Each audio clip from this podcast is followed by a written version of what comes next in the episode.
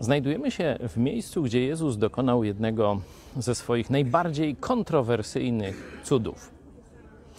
To jest dom apostoła Piotra. Oczywiście nie ten wielki kościół nade mną, tylko mała klitka, 30 parę, może trochę więcej, 40 metrów kwadratowych. Tylko, czyli coś takiego jak mała kawalerka.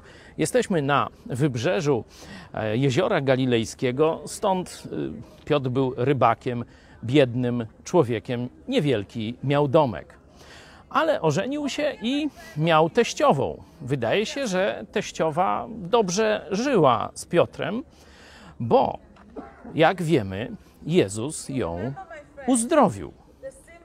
Ale co to znaczy?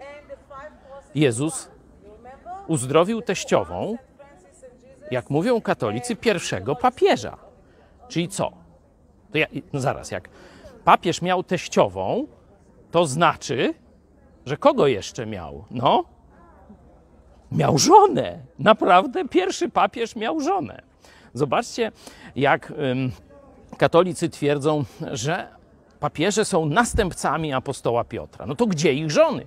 Bo o kochankach, no to wiele słyszałem, ale gdzie ich żony? Apostoł Piotr był normalnym człowiekiem. Miał żonę, miał teściową, troszczył się o nie. Jezus właśnie dlatego ją uzdrowił. Zobaczcie więc, jakie kolejne kłamstwo Kościół katolicki zafundował milionom czy nawet miliardom ludzi w historii. Powiedział, że żeby być bliżej Boga, to nie wolno mieć żony.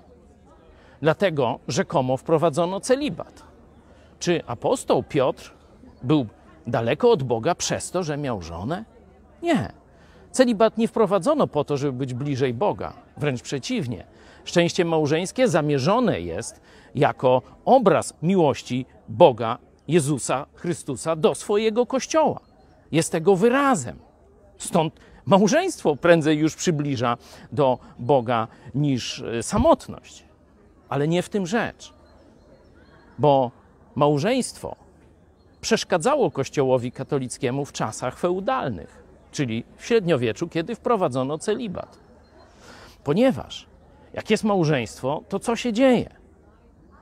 No, różne rzeczy, ale w końcu dzieci. A jak dzieci, o, to jest kłopot.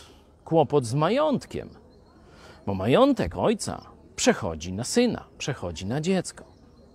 A jak się wprowadzi celibat, mężczyźni nie będą mieć żon. Nie będą mieć też legalnych dzieci, czyli z prawego łoża. I wtedy majątek przechodzi na organizację. Oto wielka tajemnica katolickiej wiary.